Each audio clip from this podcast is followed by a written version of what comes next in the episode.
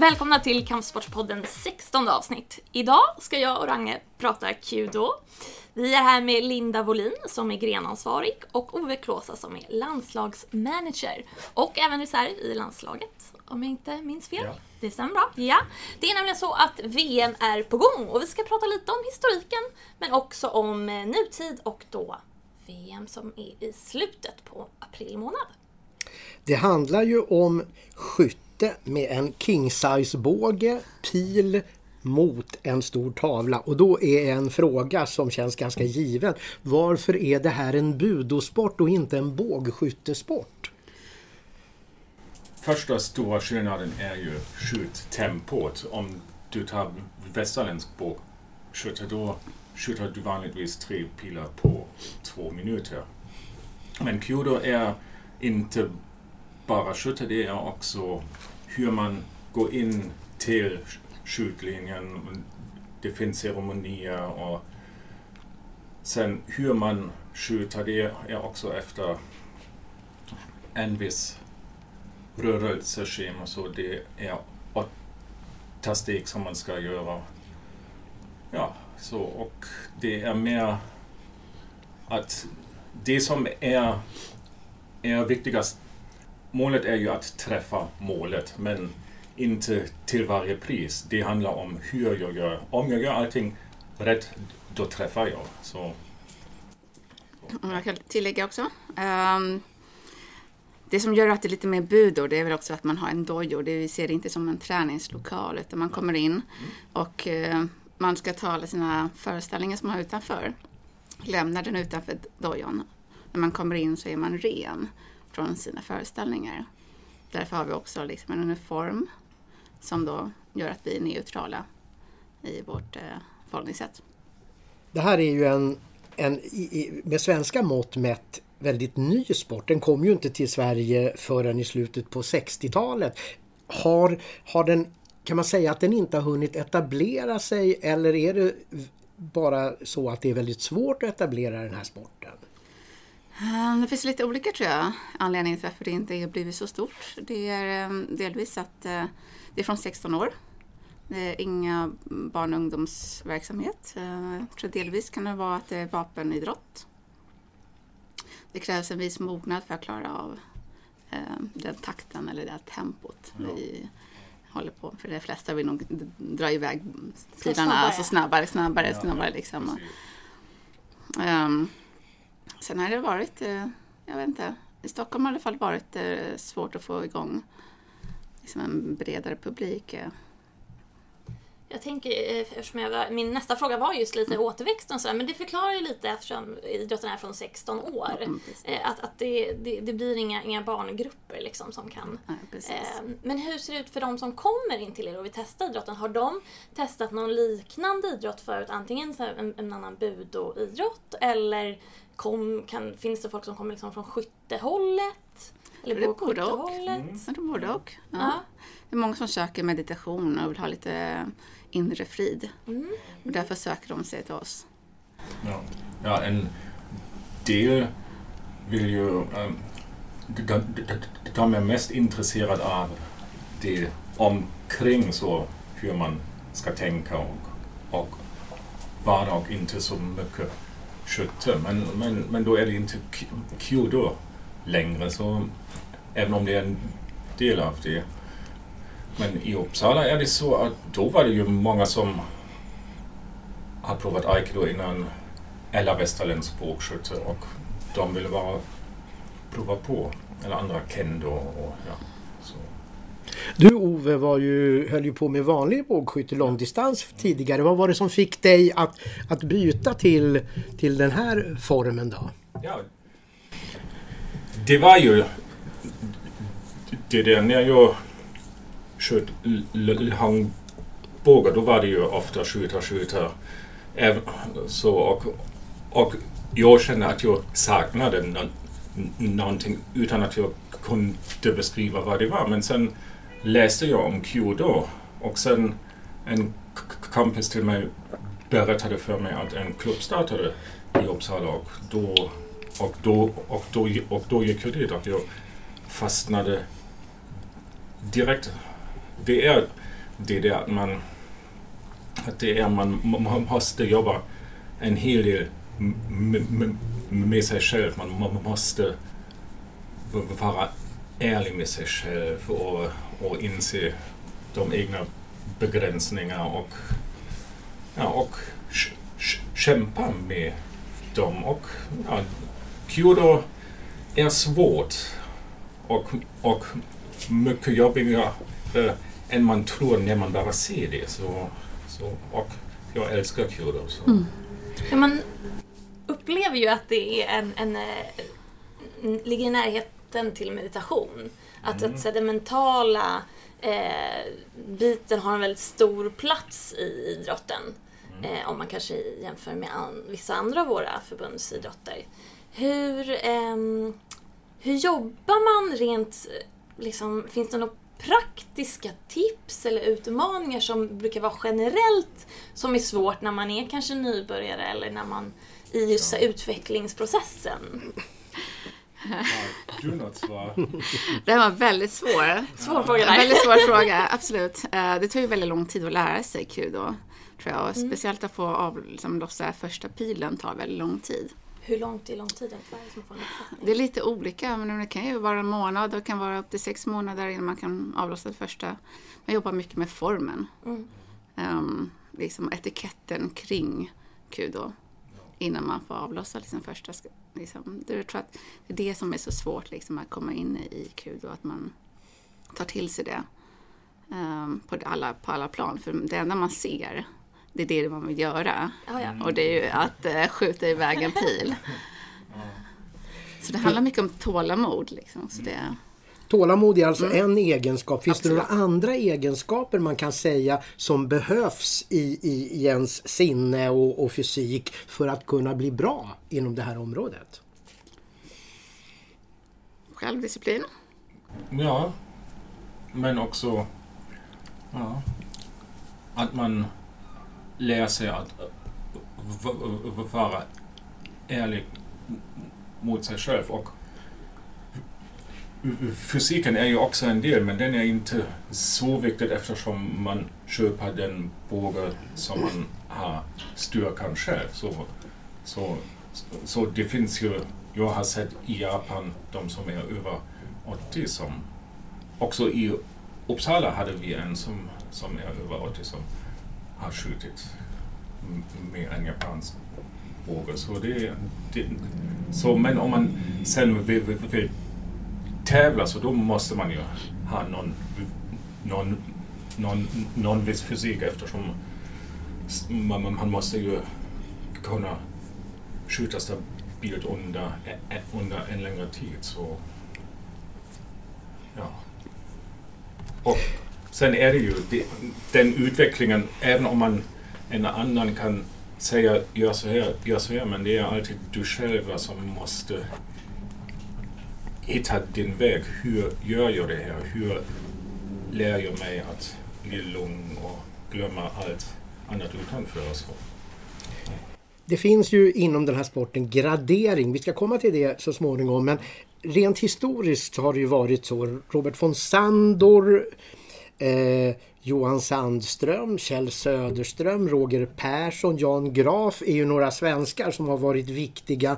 Dels för att den här sporten har hamnat i landet och sen dessutom överlevt för det var ju en svacka på 70-talet. Men vad jag har förstått så har de viktiga influenserna när det gäller gradering och, och framsteg inom sporten kommit från Storbritannien och inte minst en viss Ray Dolphin. Eh, kan ni berätta något om, om betydelsen av sådana här importerade läromästare eller vad man ska kalla det för? Ja, så viktigt är att de har ju så höga grader att de kan berätta för oss hur man ska göra. De ser de saker som vi gör fel, de ser de saker som vi ska tänka på. Så på ett helt annat sätt än de, än de flesta kan göra här i Sverige. Så Går, går det att på något lätt sätt ändå säga hur, vad, vad är det man ska eh, kunna göra för att få en dan? Ha en bra form. Det som vi kallar för hatsetsu. Den grundformen som vi har. Man ska kunna göra den korrekt. Och eh, vi kallar tai-hai som är vår etikett eh, kring budon, eh, kudon. Så den ska man göra. Och visa att man klarar av den. Ha en Så- bra attityd. Ja, Och, ja. Så första dagen handlar mest om att man visar att man förstår vad man ska göra. Så det kan vara lite grovt och så, men, men att man visar jag har förstått och jag, an, och jag ger mitt bästa här. Så Ove, hur många dan har du då? jag har nu Sandan den tredje och jag har försökt den fjärde tre gånger men inte klarat eftersom jag inte träffat. Ah, Eftersom nu måste man träffa. aha. Är det någon speciell eh, dangrad man ska upp i till där man måste träffa? Ja, det är Är det andra, tredje, fjärde? Fjärde. från och med tredje. Okej. Mm. Mm, ja. Men, men det kan ju vara tredje om du har en, en jättebra form och dina pilar är nära varandra men inte i mål. Då kan det hända att man klarar det. Men fjärde dagen, då måste man Då måste, där, där, där går gränsen. Ja, ja, precis. När man väl tävlar, eh, spelar det då någon roll hur många dan man har? Kan man vara säker på att, att tre dan slår en dan? nej. Nej, nej. Och varför inte? Det handlar ju om liksom delvis hur mycket man, tränar och hur mycket man lägger i liksom tid och engagemang Eh, på sin egen träning. Så en person som har första dagen eller ingen dag överhuvudtaget kan ju klara en bra statistik och skyttet under en längre tid än någon som kanske inte tränar så ofta. Som har högre daggrad. Men hur ser det ut? Jag är lite nyfiken på när man går in i, i och med att det är en, ändå en ja, tävlingsidrott. Hur, hur, hur går tankarna liksom? Tänker lämna det till landslags... Ja, så egentligen är det ju så att man ska inte tänka på Nej men precis, Man ska jag gå in fiskar efter det här. skjuta. Men så funkar vi inte tyvärr. Så, så jag kan ju bara berätta hur det är, är för mig och då är det tävling men också gradering så att jag är alltid nervös och det jag då, då, då försöker jag göra är att jag fokuserar på min andning eftersom som man nu rör sig, det ska följa. Det, det ska vara i harmoni med andningen och det är det som jag försöker fokusera på. Eller inte fokusera, men att det är det som jag andas och, och, och, och försöka inte tänka så, som, så mycket. Men det är svårt att tömma sig helt. Så, Mm. Det måste ju också vara något man måste öva Ja. under träningstid. Mm. Att, ja, att komma in i, precis. det state of mind eller vad jag ska Mm, kalla precis. det. Alltså, nej, jag tror också att väldigt, um, folk är olika. En del klarar nog, eh, triggar nog sig till att eh, klara Ah, en bra tävling. Ett exempel var när vi, um, när jag med mitt lag för tre, ja, eller två och ett halvt år sedan tog SM-guld.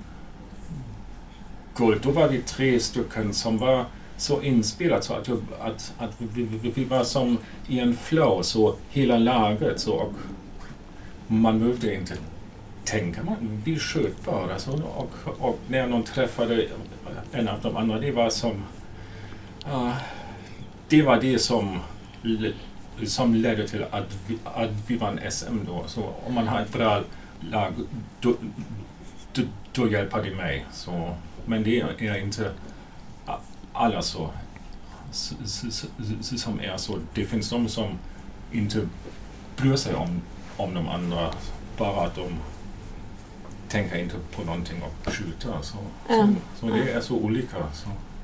Mm, jag håller med dig, för att eh, jag vann ju um, tillsammans med mitt lag eh, SM förra året. Mm. Och det är en sån stor skillnad att tävla i grupp, för då tänker man på andra också, inte bara sig själv. Då Mm. det egna egot försvinner lite grann. Och man tänker på kanske på laget eller gemenskapen, att man kämpar för något annat Ja. än sig själv.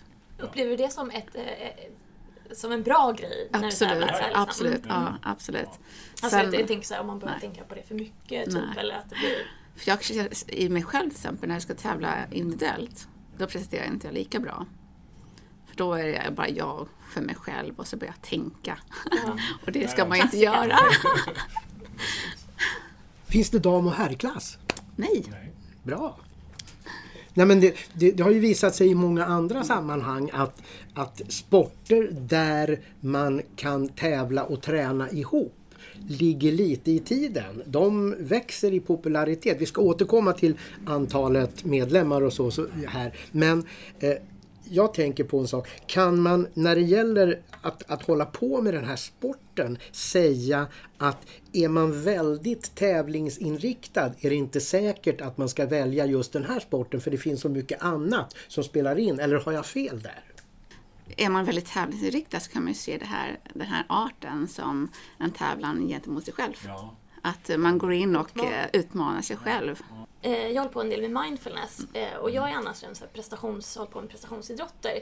Och mindfulness, hela den grejen är ju by far det svåraste jag har har kommit, kommit över. Just för att det är en annan, det, är en mental utmaning. Mm, det fysiska kan man ibland pressa på lite mer. Man kan lägga in fler träningstimmar. Eh, Så att jag tror nog att eh, folk som gillar att tävla, här kan det bli en riktig utmaning faktiskt. Och du håller med? Ja, jag håller med, absolut.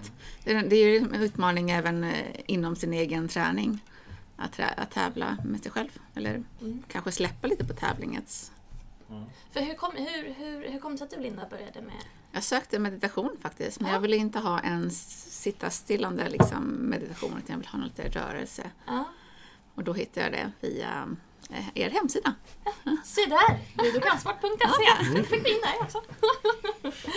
Vi har ju snackat om att sporten kom på 60-talet. Den var nära att dö ut under 70-talet. Kjell Söderström, Johan Sandström var då viktiga för att få den att stanna kvar. Var befinner vi oss nu och hur, hur gör ni för att få, möjligen få fler intresserade? Idag så, så ehm, kan man åka till ganska många europeiska länder och delta i seminarier. Vi försöker även hjälpa till att göra seminarier i Sverige. Vi har eh, tävlingar under alltså tre, fyra tävlingar varje år. Eh, Svenska cupen, så har vi SM. Svenska cupen är en tävling som är fyra deltävlingar. Eh, Det senaste var förra veckan. Eller nu, i lördags till och med. Deltävling två. Um, där är individuellt skytte, så det är inte lag. Så det gick inget bra för dig då? Jag var faktiskt sist. Jag var faktiskt sist. Du då Ove, hur gick det för dig? Ehm, jag hamnade på plats sex. Av hur många startande? 17 var det. 17? Ja, det var det. Nej men, nej men för mig handlar det inte om om jag blir första eller inte. För mig är det den där utmaningen eftersom jag alltid är så nervös att, att jag försöker skjuta så bra som möjligt. Så Hur kändes det då utifrån den aspekten efter tävlingen? det var för utom andra om, omgången var det ganska bra egentligen. Så, men, men, men eftersom jag var också ansvarig den dagen för hela evenemanget med mina två andra från klubben, då var jag ändå så- i så många andra saker så, så jag var helt slut på kvällen. Så, det kan man ju förstå, dubbla roller. ja, ja. Samma problem som Linda, tänkte för mycket. Ja, precis. precis. Ser ni några möjligheter att, att det ska kunna öka ordentligt antalet? Ni börjar närma er 100 stycken va? Absolut, det tror jag. Ehm, kämpar ju varje år för att få mer medlemmar. Ehm, delvis är ju Kudo väldigt dyrt. Ehm, och det är en aspekt som kommer vara svår liksom, att få Ja. yngre, även studenter, att börja. Kanske eh, de som kanske inte har lika bra ställt att börja med Kudo. Du berätta lite om utrustningen. Vi har på oss, vi har en KKG och vi har Hakama. Sen är det ju Tabis och Obis. Sen har vi ju vår utrustning, Yumi, eh, vår pilbåge. Som eh, just nu ser det ut som att vi, de flesta köper det från Japan direkt. Okej, ja. Den går inte att köpa i Sverige. Och möjligtvis några tyska Mm, tillverkare och kanske någon ungersk ja, precis. tillverkare i Europa. Vilket gör att det blir väldigt dyrt att köpa in. Eh, Vi har eh, en handske, Yugake, som vi använder eftersom vi inte använder fingrarna för att dra strängen. Även den kostar rätt mycket och är eh, bara specialanpassad till ens hand. Okej. Så väldigt unika. Är det något som man kan göra här i Sverige då? Jag tänker om, om man ska anpassa den efter ens hand? Nej? Johan Sandström vet faktiskt hur man gör. Han är ju en um, handskmakare på det. Eh, jag tänker så här. Om det är en liten grupp människor som håller på med det här i Sverige. Vi ska ju ändå prata mot VM nu. Så hur stort är det då i världen och vilka nationer är det som är framstående? Störst är det ju i Japan. Så då är det runt 135 000. Och sen är ju nästa är Tyskland och Frankrike där jag vet. För åtta år sedan kom, var ju det första världsmästerskapet och då var ju det i Tokyo. Nu ska det bli Tokyo igen. För en som håller på med den här sporten, Ove, hur, hur stort är det att få hålla på med det här just i Tokyo, Japan? Ja, det är det, det bästa det som finns tycker jag. Jag har ju varit, eller jag började åka till Japan på grund av Kyoto och, och, och det är stor skillnad. Man står inte bara i en idrottshall som här. Där är det ju riktiga dojos och, och det, det är så fint, en helt annan stämning och Man har ju sett lite om man tittar på Youtube. Då ser man ju just de här, det är vissa graderings eller tävlingar eh, där det är väldigt rofyllda lokaler, Mm, man hör lite fågelkvitter. Ja, alltså man blir precis. väldigt... så- Man nästan kommer ner i varv bara av så här, ja, vad man ser, det visuella nästan. ja, ja. Så jag tänker mig att det är lite den, det som möter en till skillnad för som du kanske säger, en skolgympasal. Det, det kanske liksom inte precis. riktigt blir samma känsla. Nej, nej, nej. Jag tror det också ger liksom lite, lite känsla för hur allvarligt, liksom. det blir ett allvar istället för att komma in i en gymnastikhall. Men när det gäller VM då, vad, vad, vad ska man som svensk ha för förväntningar på det våra? Vårt bästa helt enkelt. Att vi försöker göra så bra som vi kan. Jag var ju med i Paris som åskådare när laget nästan slog Japan. Så, Oj, oj, oj. Ja, ja, precis. Men Bra. Så, och, och, och det var det ju så. Det var, man såg att våra de ansträngde sig. Och ja, så, så man ska inte, inte, inte förvänta sig att vi hämtar guld, men det är inte heller omöjligt. Så man vet aldrig vad som händer i Kyoto. Det är, ju- men det, är ju, det är ju vanligt att man säger så här om svenskar att vi är bra att få till en laganda, vi är bra att jobba tillsammans. Det här låter ju som, som, som båda ni har beskrivit att, att det är eh, fördel att vara i lag. Du har ju just berättat att, att det svenska laget var, var inte långt bort från att slå Japan. Är det så man ska se det? Att det, det när det blir lag och när det ska vara samarbete och när man ska vara tillsammans, liksom, då är det bättre för Sverige. Så man kan ju jämföra det med EM som vi var på i fjol.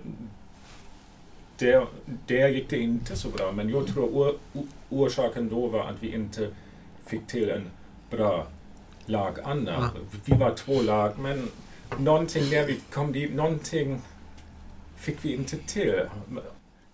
Får se. Men hur jag tänker, nu du berättar om EM och VM eh, och nu är det ju då VM i Tokyo i slutet på månaden.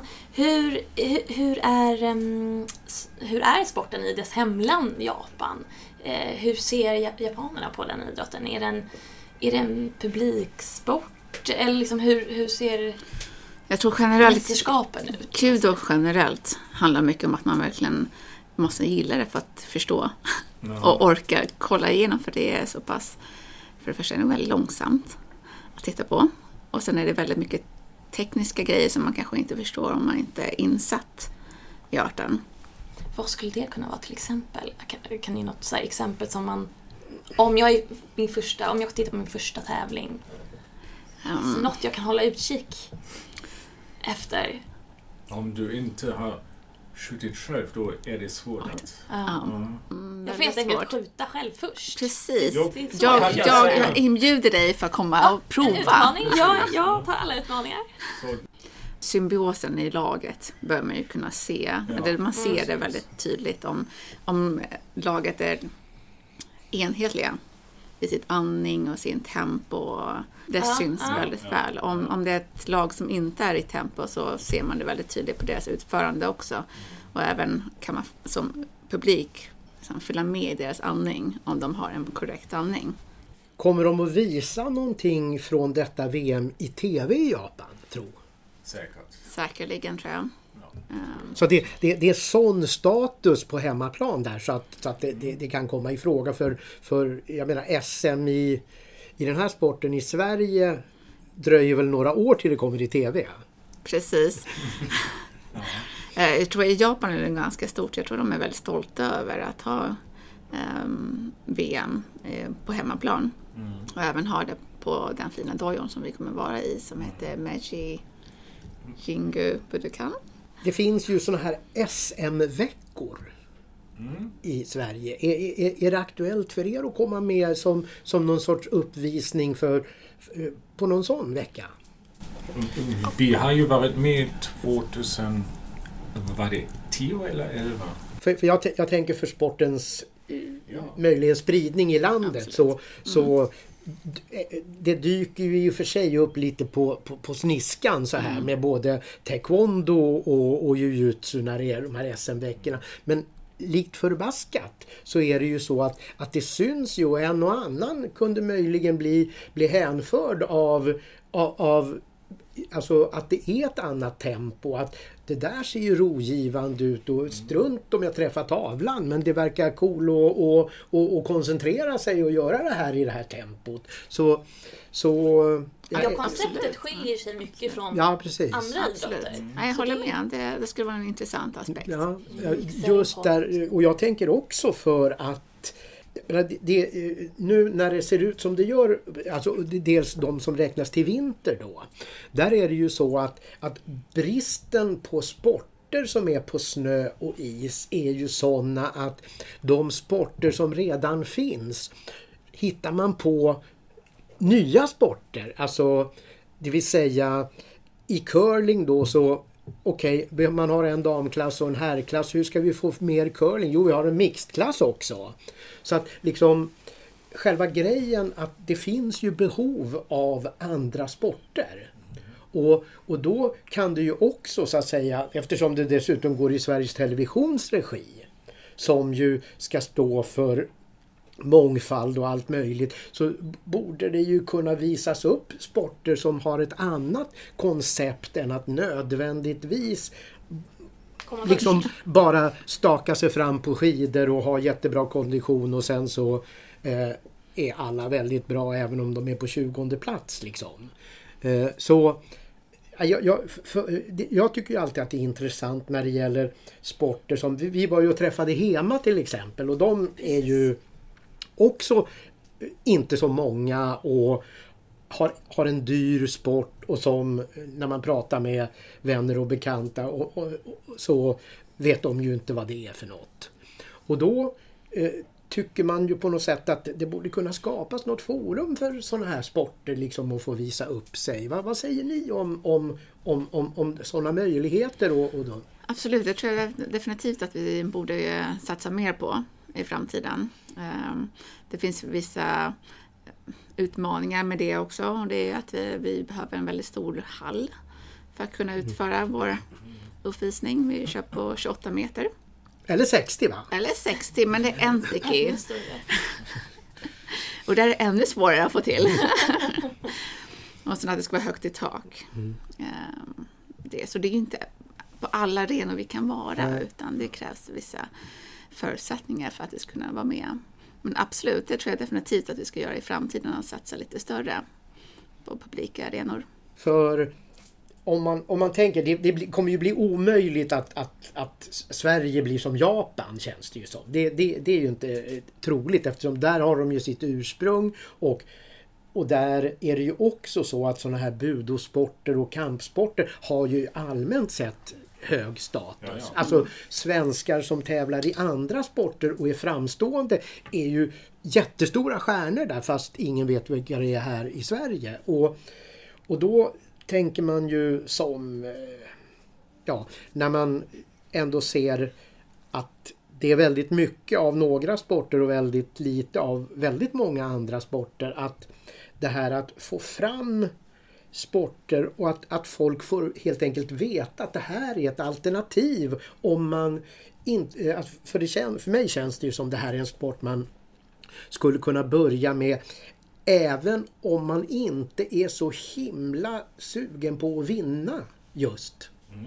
Det är ju självklart inte bara en tävlingssport utan det är ju också motion och hälsa. Eh, Åter, åter till VM då. Eh, Med, med bakgrund av det ni har pratat om. Kan man vara säker på, ja, du har ju redan reserverat dig att allt är möjligt. Men eh, hur troligt är det att, att det blir japanska segrar? Så e- egentligen borde de vinna. Egentligen. Så, men jag, när, när de tävlade mot Sverige i Paris, då visade de nerver. Så, så, men jag tror att nu väljer de ut och tränar mycket mer att också klara av någonting sånt.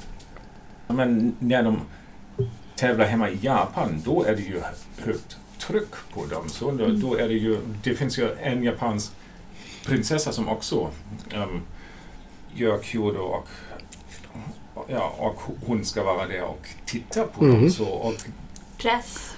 press, press, press på dem. Så, så 2010 då klarade de ju inte ens gruppomgången.